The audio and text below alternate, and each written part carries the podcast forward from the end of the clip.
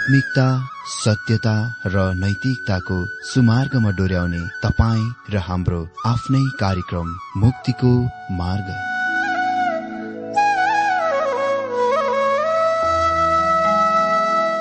आदरणीय श्रोता यस मुक्तिको मार्ग कार्यक्रममा हार्दिक स्वागत छ।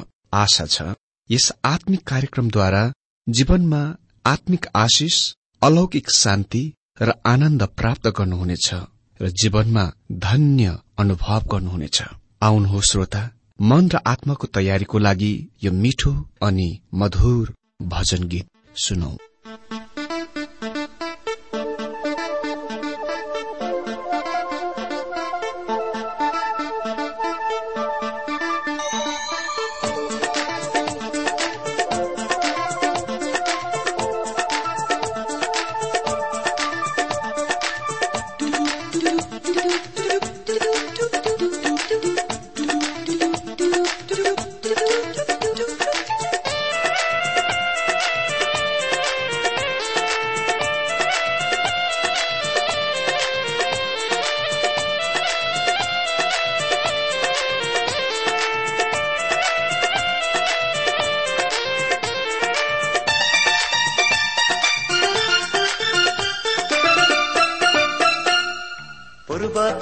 जब हेर्छु त्यहाँ मेरो यसोलाई पाउँछु। पश्चिमतिर जब हेर्छु त्यहाँ मेरो यसोलाई पाउँछु। उत्तरतिर जब हेर्छु त्यहाँ मेरो यसोलाई पाउँछु। दक्षिणतिर जब हेर्छु त्यहाँ मेरो यसुलाई पाउँछु। मेरो वरिपरि चारैतिर सधैँ साथमा यसुलाई म पाउँछु। मेरो वरिपरि चारैतिर सधैँ साथमा यसुलाई म पाउँछु। Hallelujah amen. Hallelujah, Amen. Hallelujah, Amen. Hallelujah, Amen. Hallelujah, Amen. Hallelujah, Amen.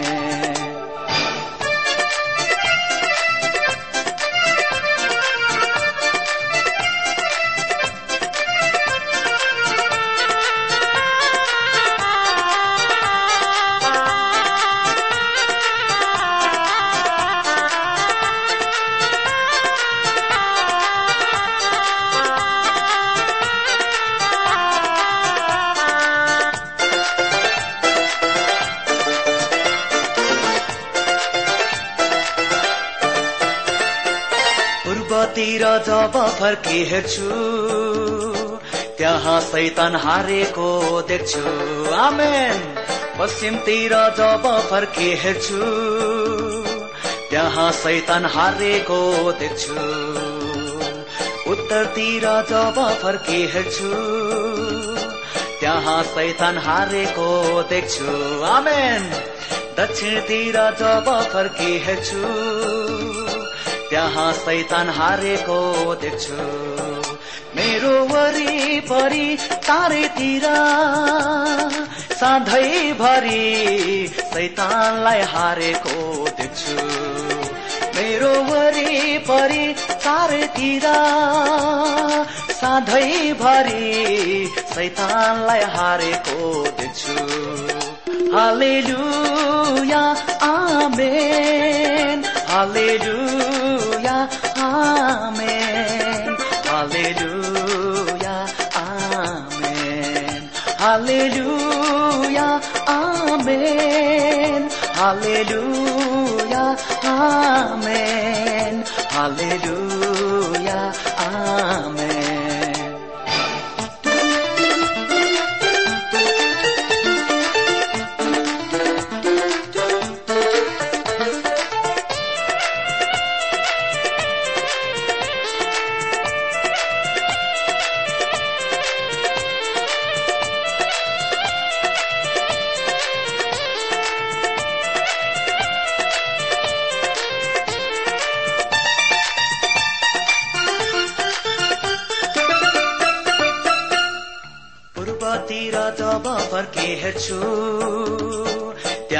त्यहाँ यीशु ख्रिस्टको कामलाई देख्छु पश्चिमतिर जब फर्के हेर्छु त्यहाँ यीशु ख्रिस्टको कामलाई देख्छु उत्तरतिर जब फर्के हेर्छु त्यहाँ यीशु ख्रिस्टको कामलाई देख्छु दक्षिणतिर जब फर्के हेर्छु त्यहाँ यीशु ख्रिस्टको कामलाई देख्छु मेरो वरिपरि चारैतिर जताततै यीशुको कामलाई देख्छु मेरो वरिपरि चारैतिर जताततै यीशुको कामलाई देख्छु hallelujah amen. Hallelujah amen. Amen. Hallelujah. Amen. Hallelujah. Amen. Hallelujah. Amen. Hallelujah. Amen. Hallelujah. Amen.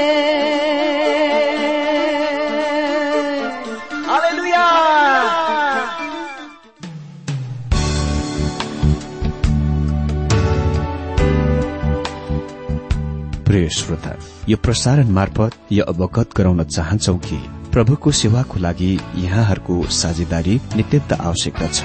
यहाँहरूले प्रार्थनाको साथसाथै आर्थिक सहायता गर्न अनुरोध गर्दछौ। तपाईँहरूको सानो भन्दा सानो भेटी किन नहोस्? हामी प्रभुको नाममा स्वीकार गर्नेछौ। प्रभुको सेवाको लागि। तपाईँहरूको यो सानो लगानीले कसैको जीवनमा भिन्नता ल्याउँछ अनि प्रभुको महिमा हुन्छ। प्रभु तपाईँहरूलाई महान गरी आशिष दिनुहुनेछ। इच्छुक श्रोताहरूले तपाईँको इच्छा भेटी हाम्रो ठेगानामा पठाउन सक्नुहुन्छ जुन ठेगाना हामी कार्यक्रमको अन्तमा दिनेछौं।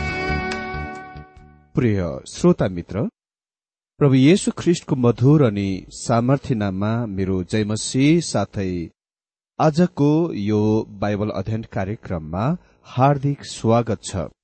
श्रोता अघिल्लो कार्यक्रममा हामीले आमोस पाँच अध्याय एकदेखि पन्ध्र पदबाट बाइबल अध्ययन गरिरहेका थियौं। हजुर दण्ड निश्चय नै अनिवार्य आउने कुरा थियो तर एकदेखि पन्ध्र पदहरूमा हामीले यही कुरा देख्यौं। यसको बावजुद परमेश्वर इसरायललाई उहाँको खोजी गर्नलाई बिन्ती गर्नुहुन्छ अपिल गर्नुहुन्छ ताकि त्यो आइरहेको दण्डहरू तिनीहरूमाथि पर्नबाट टालिन सकोस्। जबकि उहाँले त्यो दण्डको अन्तिम प्रहार जुन तिनीहरूलाई बन्धुवा थियो कैद गरी लाने कुरा थियो त्यो अझसम्म नल्याउनु भएकोले गर्दा त्यहाँ तिनीहरूको निम्ति आशा थियो बस्ने छुटकारा पाउने। हजुर त्यस अन्तिम अवस्थामा पनि यदि तिनीहरू परमेश्वर कहाँ फर्के तिनीहरू बाँच्ने थिए तिनीहरू छुटकारा पाउने थिए तर तिनीहरू कति पनि परमेश्वरका फर्केनन्? आज हामी बाइबल अध्ययन आमोस पाँच अध्यय सोह्रदेखि सत्ताइस पदबाट देख्नेछौ। आमोस पाँच अध्यय सोह्र र सत्र पदमा यस प्रकार लेखिएको छ। सोह्र र सत्र पदमा यस कारण परम प्रभु सर्वशक्तिमान परमेश्वर यसो भन्नुहुन्छ सबै सडकहरूमा रुवाबासी हुनेछ र हरेक चोकमा तिनीहरूले हाय हाय गर्नेछन्। किसानहरू विलाप गर्न र मलामीहरू शोक गर्न बोलाइनेछ। सबै दागबारीमा रुवाबासी हुनेछ किनकि म तिनीहरूका बीचबाट भएर जानेछु परमप्रभु भन्नुहुन्छ। श्रोता किनभने परमेश्वरले जान्नुहुन्थ्यो कि तिनीहरू प्रस्ताव गर्ने थिएनन् उहाँ अहिले स्पष्ट रूपमा त्यो आउने अनिवार्य आउने दण्ड बताउनुहुन्छ घोषणा गर्नुहुन्छ। मृत्युले प्रत्येकलाई छुनेछ अनि सबै विलाप गर्नेछन्। अठार पदमा धिक्कार तिमीहरूलाई जो परमप्रभुका दिनको अति इच्छा गर्दछौ परमप्रभुका दिनको तिमीहरू किन इच्छा गर्दछौ? त्यो दिन त अन्धकार हुनेछ उज्यालो होइन। धेरै मानिसहरू अति नै धेरै धार्मिक र आत्मिक भई टोपोलेर भनिरहेका थिए कि तिनीहरू परमप्रभुको दिनको कति धेरै उत्कट इच्छा गर्दथे। आमसले यहाँ यसलाई धिक्कार भनेर व्यक्त गरे। धिक्कार तिमीहरूलाई जो परमप्रभुको दिनको अति इच्छा गर्दछौ तिनीहरूको निम्ति यो धार्मिक भाव भन्दा अरू केही थिएन। अभिव्यक्ति भन्दा अरू केही थिएन। त्यो दिन अति नै खुसकर मनोहरको रूपमा हुन गइरहेको छैन जस्तो कि तिनीहरू सोच्दछन् कि त्यो त्यस्तै अति नै मनोहर र सुहाना दिन हुनेछ। आमुसले यहाँ यो कथन परमप्रभुको दिन प्रयोग गर्दछन्। युएल त्यो व्यक्ति हुन् जसले यो विषयको भविष्यवाणीमा परिचय दिएथे। अनि उनी पछिका आउने प्रत्येक भविष्य वक्ताहरूसँग यसको बारेमा भन्ने केही कुरा छ। धेरै मानिसहरूले सोचे कि परमप्रभुको दिन हजार वर्षीय राज्यको संकेत गर्दछ। युएल साथै आमोस पनि यो भन्नमा अति नै धेरै होसियारी थिए कि परमप्रभुको दिन त्यो ज्योति होइन तर यो अन्धकार हो। परमप्रभुको दिन दण्डसँग सुरु हुन्छ र यो लगातार पृथ्वीमा आफ्नो राज्यको स्थापना गर्न ख्रिस्टको आगमनसम्म बढ्दछ। त्यहाँ धेरै टिप्पणीकारहरू छन् जो विचार गर्दछन् इसरायलका मानिसहरू दुरात्मा वा आलोचकहरू बनिरहेका थिए र परमप्रभुको आलोचकहरू बनेर उहाँको दिनको उपहास गरिरहेका थिए मजा उडाइरहेका थिए खिल्ली उडाइरहेका थिए। म त्यो कुरा यहाँ कति पनि देख्दिन। म देख्दिन कि त्यो अर्थ खुलै सम्भवत सत्य हुन सकेको। अह बरु म देख्दछु मानिसहरू अति नै धेरै आत्मिक धार्मिक बनिरहेका थिए कमसे कम बाहिरी रूपमा। तिनीहरू मोसाको व्यवस्थाका धर्मविधि र संस्कारहरूमा पालन गरिरहेका थिए ती कुराहरूको गरिरहेका थिए तर तिनीहरू प्रतिमाहरूको पनि मूर्तिहरूको पनि पूजा गरिरहेका थिए। त्यो तिनीहरूको निम्ति खालि एक धर्म थियो जस्तो कि आज धेरै मानिसहरूको निम्ति चर्चमा मण्डलीमा जाने तिनीहरूको धर्म बनेको छ। बस त्यहाँ कुनै प्राणभूत कुरा छैन। धार्मिक विधि संस्कारमा भएर जाने काममा कुनै यथार्थ कुरा छैन। आज धेरै मण्डली चर्च सेवाहरू अति नै मृत हुनको कारण त्यहाँ धार्मिक विधि धार्मिक संस्कार भन्दा तिनीहरू केही पनि होइनन्। तिनीहरूले गर्ने कुरा यो सुन्दर हुन सक्छ। यो तपाईँका आँखाहरू र तपाईँका आँखाहरूको निम्ति आकर्षक हुन सक्छ। तर के यसले तपाईँका जीवनलाई परिवर्तन गर्दछ? के यो परिवर्तन गर्ने बदलाव गर्ने कुरो हो?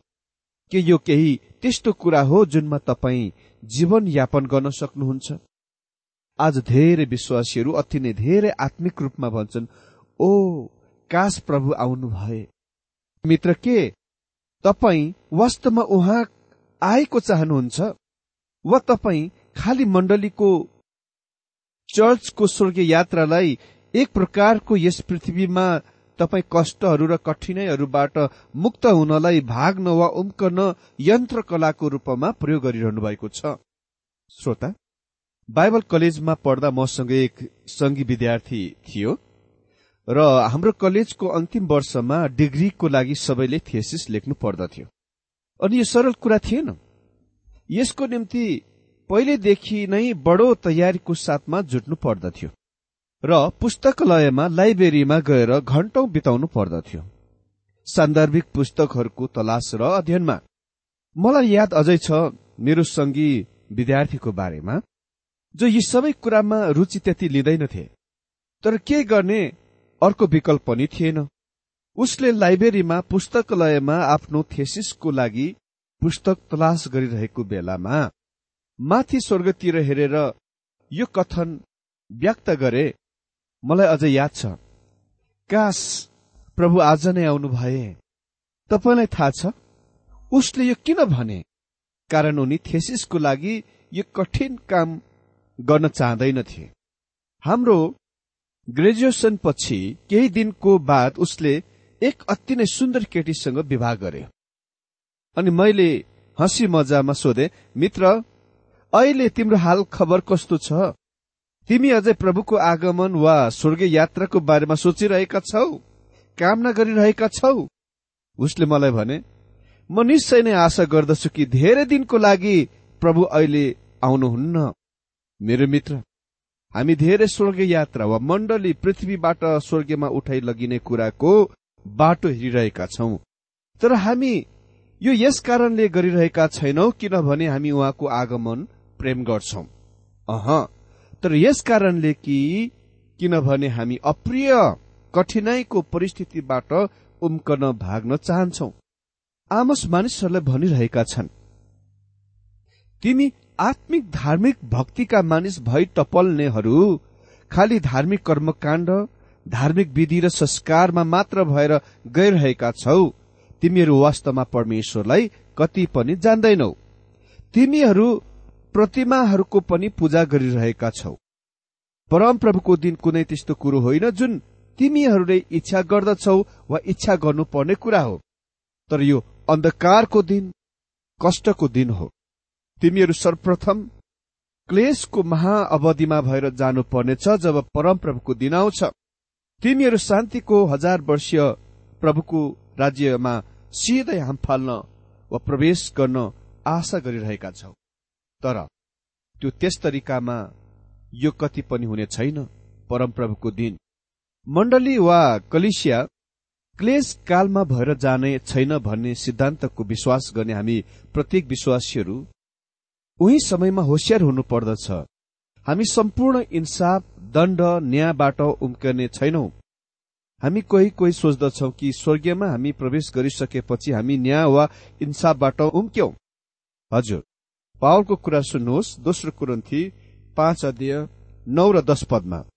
यसकारण चाहे हामी शरीरमा रहौं चाहे नरहौं उहाँको निम्ति ग्रहण योग्य बनिने प्रयत्न गर्दछौ।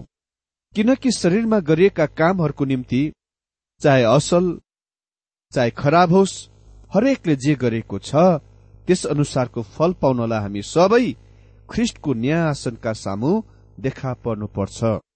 ख्रिष्टको न्यायासन चाहिँ। पुरस्कार इनामको लागि न्याय हो यसमा प्रत्येक विश्वासीहरूले शरीरमा गरिएका कामहरूको निम्ति चाहे असल चाहे खराब हरेकले जे जे गरेको छ त्यस अनुसारको फल पाउँदछ। यो उद्धारको लागि न्याय वा इन्साफ होइन। पावल पहिलो कोरन्थी तीन अध्ययको एघार पदमा भन्छन् किनकि त्यस बसालेको जगलाई छोडेर जो येशु ख्रिस्ट हुनुहुन्छ कुनै पनि मानिसले अर्को जगको बसाल्न सक्दैन तर तपाईँ त्यस जगमा निर्माण बनाउन वा निर्माण गर्न सक्नुहुन्छ। तपाईँ काठ पराल घाँसले बनाउन सक्नुहुन्छ या तपाईँ सुन चाँदी र बहुमूल्य पत्थरले बनाउन सक्नुहुन्छ। तर हरेक मानिसको काम उसको उद्धार होइन उसको व्यक्ति होइन तर उसको काम आगोद्वारा जाँचिनेछ। यदि कुनै मानिसको काम आगोमा रहिरह्यो भने उसले पुरस्कार वा इनाम पाउनेछ। तर यदि उसको काम आगोमा रहिरहेन भने त पाउल भन्छन् पहिलो कोरन्ती तीन नदिएको बाह्रदेखि पन्ध्रमा कि तर ऊ आफै चाहिँ बाँच्नेछ तर आगोबाट भएर उम्के जस्तै। यही नै कारण म यो कथन पटक पटक बनाउँछु कि यद्यपि धेरै मानिसहरू उद्धार पाए भने पनि जब तिनीहरू स्वर्गीयमा हुनेछन् तिनीहरूमा आगोबाट उम्केर बचेको मानिस जस्तै धुवा धुवा जलेको गन्ध हुनेछ। तिनीहरू यस पृथ्वीमा हरेक कुरा जे जति गरे तिनीहरूले शरीरमा गरे तिनीहरूले केही संसारिक कारणको लागि केही वर्तमान सन्तुष्टिको लागि गरे। मित्र हामीले यहाँ पृथ्वीमा जिएको जीवनहरूको जाँच गरिनेछ। हामी आज धेरै चाँडै नै स्वर्गीयमा प्रभुसँग हुन मन पराउँछौ। अनि यो उक्तम कुरा हो। अनि यो सबै विश्वासीहरूको आशा हो। तर याद राख्नुहोस् त्यहाँ तपाईँ र मेरो जाँच हुनेछ। हामीले यहाँ कस्तो प्रकारको जीवन जियौं? हामीले यस जीवनमा के कस्ता काम गर्यौं? हरेक कुराको उहाँको सामुने एक दिन प्रकट हुन गइरहेको छ। के तपाईँ अहिले स्वर्गीयमा जान चाहनुहुन्छ? के तपाईँले जीवनमा हरेक कुराको ठिकठाक गर्नुभएको छ सोझ्याउनु भएको छ? पाउ लेख्छन् पहिलो कुरन्ती एघारको एकतिस पदमा किनकि हामीले आफैलाई जाँच्यौं भने हाम्रो न्याय गरिने छैन। त्यही नै कारण म हरेक कुरा परमेश्वरको सामुने प्रस्ताव गर्छु। म चाहन्छु कि जति धेरै हुन्छ त्यसको यहाँ उहाँसँग पृथ्वीमा हुँदा नै ठिकठाक गरेको सोझ्याएको। यदि म यो गर्दिन भने उहाँले कुनै दिन माथि स्वर्गीयमा यसको ठिकठाक गर्न गइरहनु भएको छ।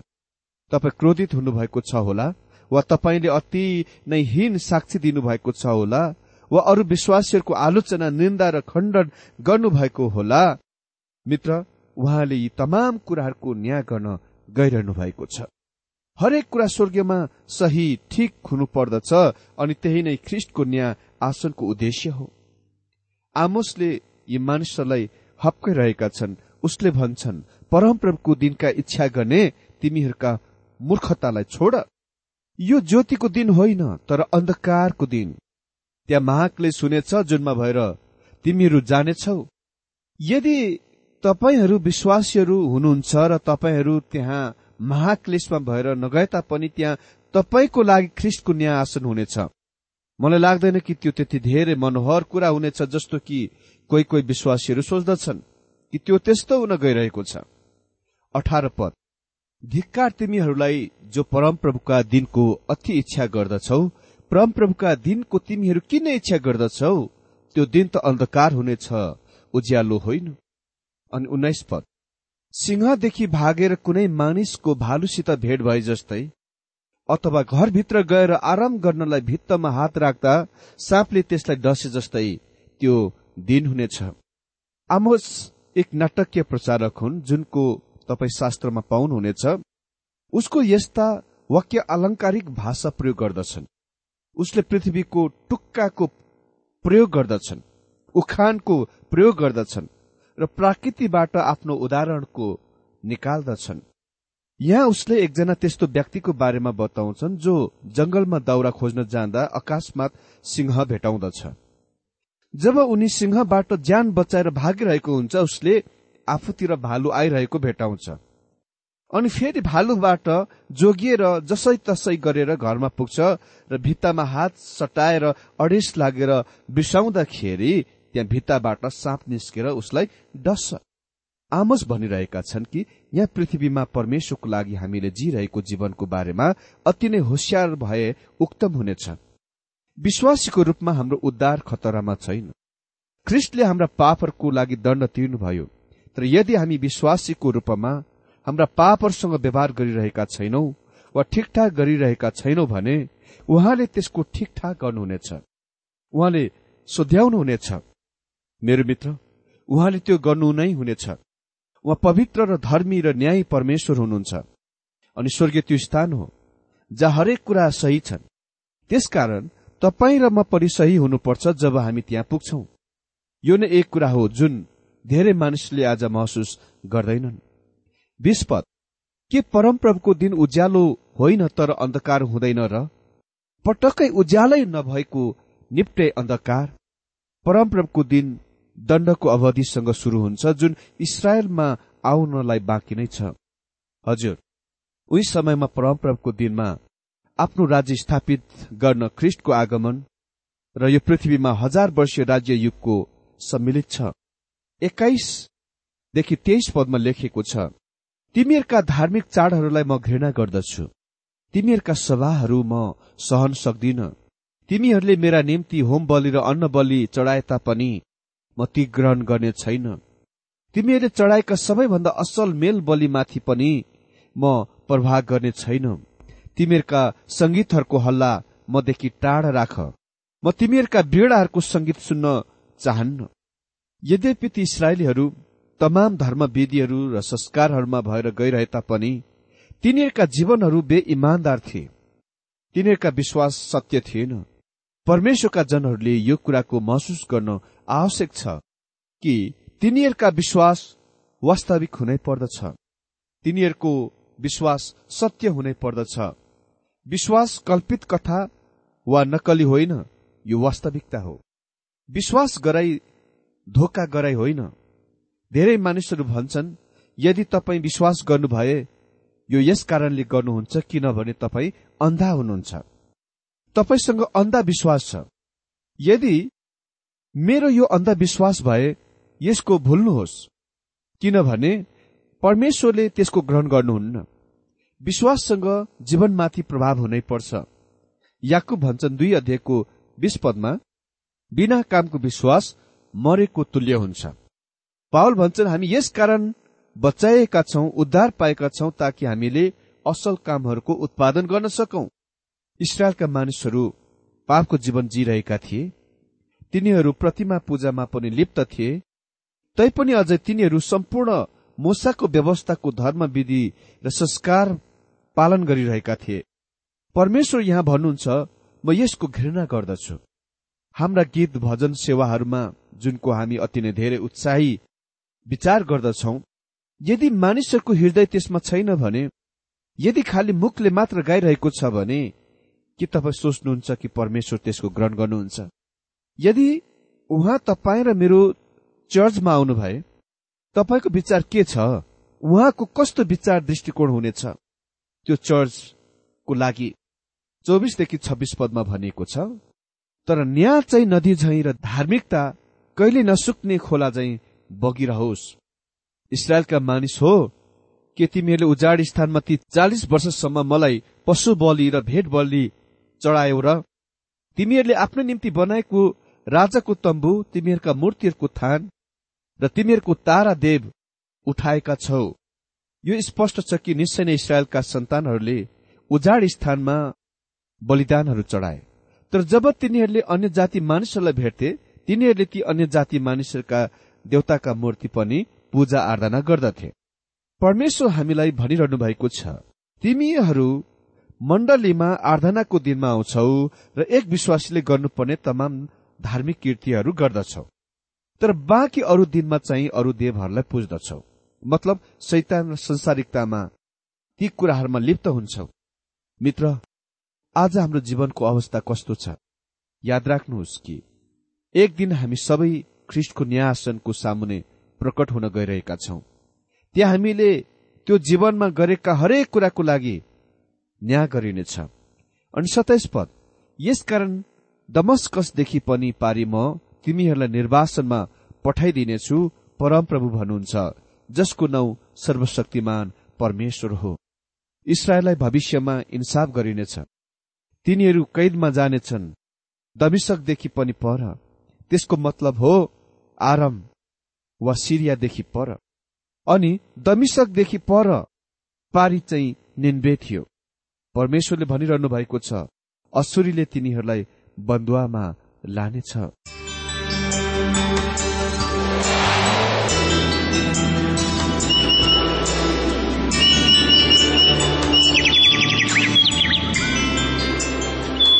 प्रिय श्रोता अहिले भर्खरै तपाईँले टीडब्ल्यूआर नेपालद्वारा सञ्चालित आत्मिक कार्यक्रम मुक्तिको मार्ग सुनिरहनु भएको थियो। श्रोता आजको यो कार्यक्रम सुनेर तपाईँलाई कस्तो लाग्यो? यदि यो कार्यक्रम सुनेर मनमा कुनै खुल्दुली वा कुनै प्रतिक्रिया अर्थात सुझावहरू छन् भने हामीलाई पत्रद्वारा लेख्न सक्नुहुनेछ।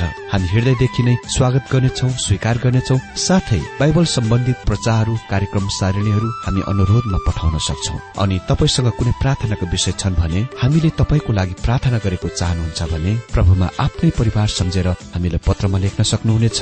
तपाईँको लागि हामी प्रभु येशुसँग प्रार्थना गर्नेछौ। अधिक जानकारी र पत्रचारको लागि हाम्रो ठेगाना यस प्रकार छ। कार्यक्रम मुक्तिको मार्ग जीपीओ नम्बर उनानब्बे पचहत्तर इपिसी पच्चिस एकसठी काठमाडौँ। ठेगाना एकपल्ट सुन्नुहोला कार्यक्रम मुक्तिको मार्ग जीपीओ नम्बर उनानब्बे पचहत्तर इपिसी पच्चिस एकसठी काठमाडौँ। हाम्रो इमेल एड्रेस हो TWR Nepal at Yahoo dot com साथै यस नम्बरमा एसएमएस गर्न सक्नुहुनेछ अन्ठानब्बे चार सत्तरी पैतिस छ सय उनासी नौ आठ चार सात जिरो तीन पाँच छ सात नौ। हुन्छ श्रोता आजलाई हामी विदा चाहन्छौ। अर्को कार्यक्रममा हामी पुनः भेट्नेछौ तबसम्मलाई नमस्कार।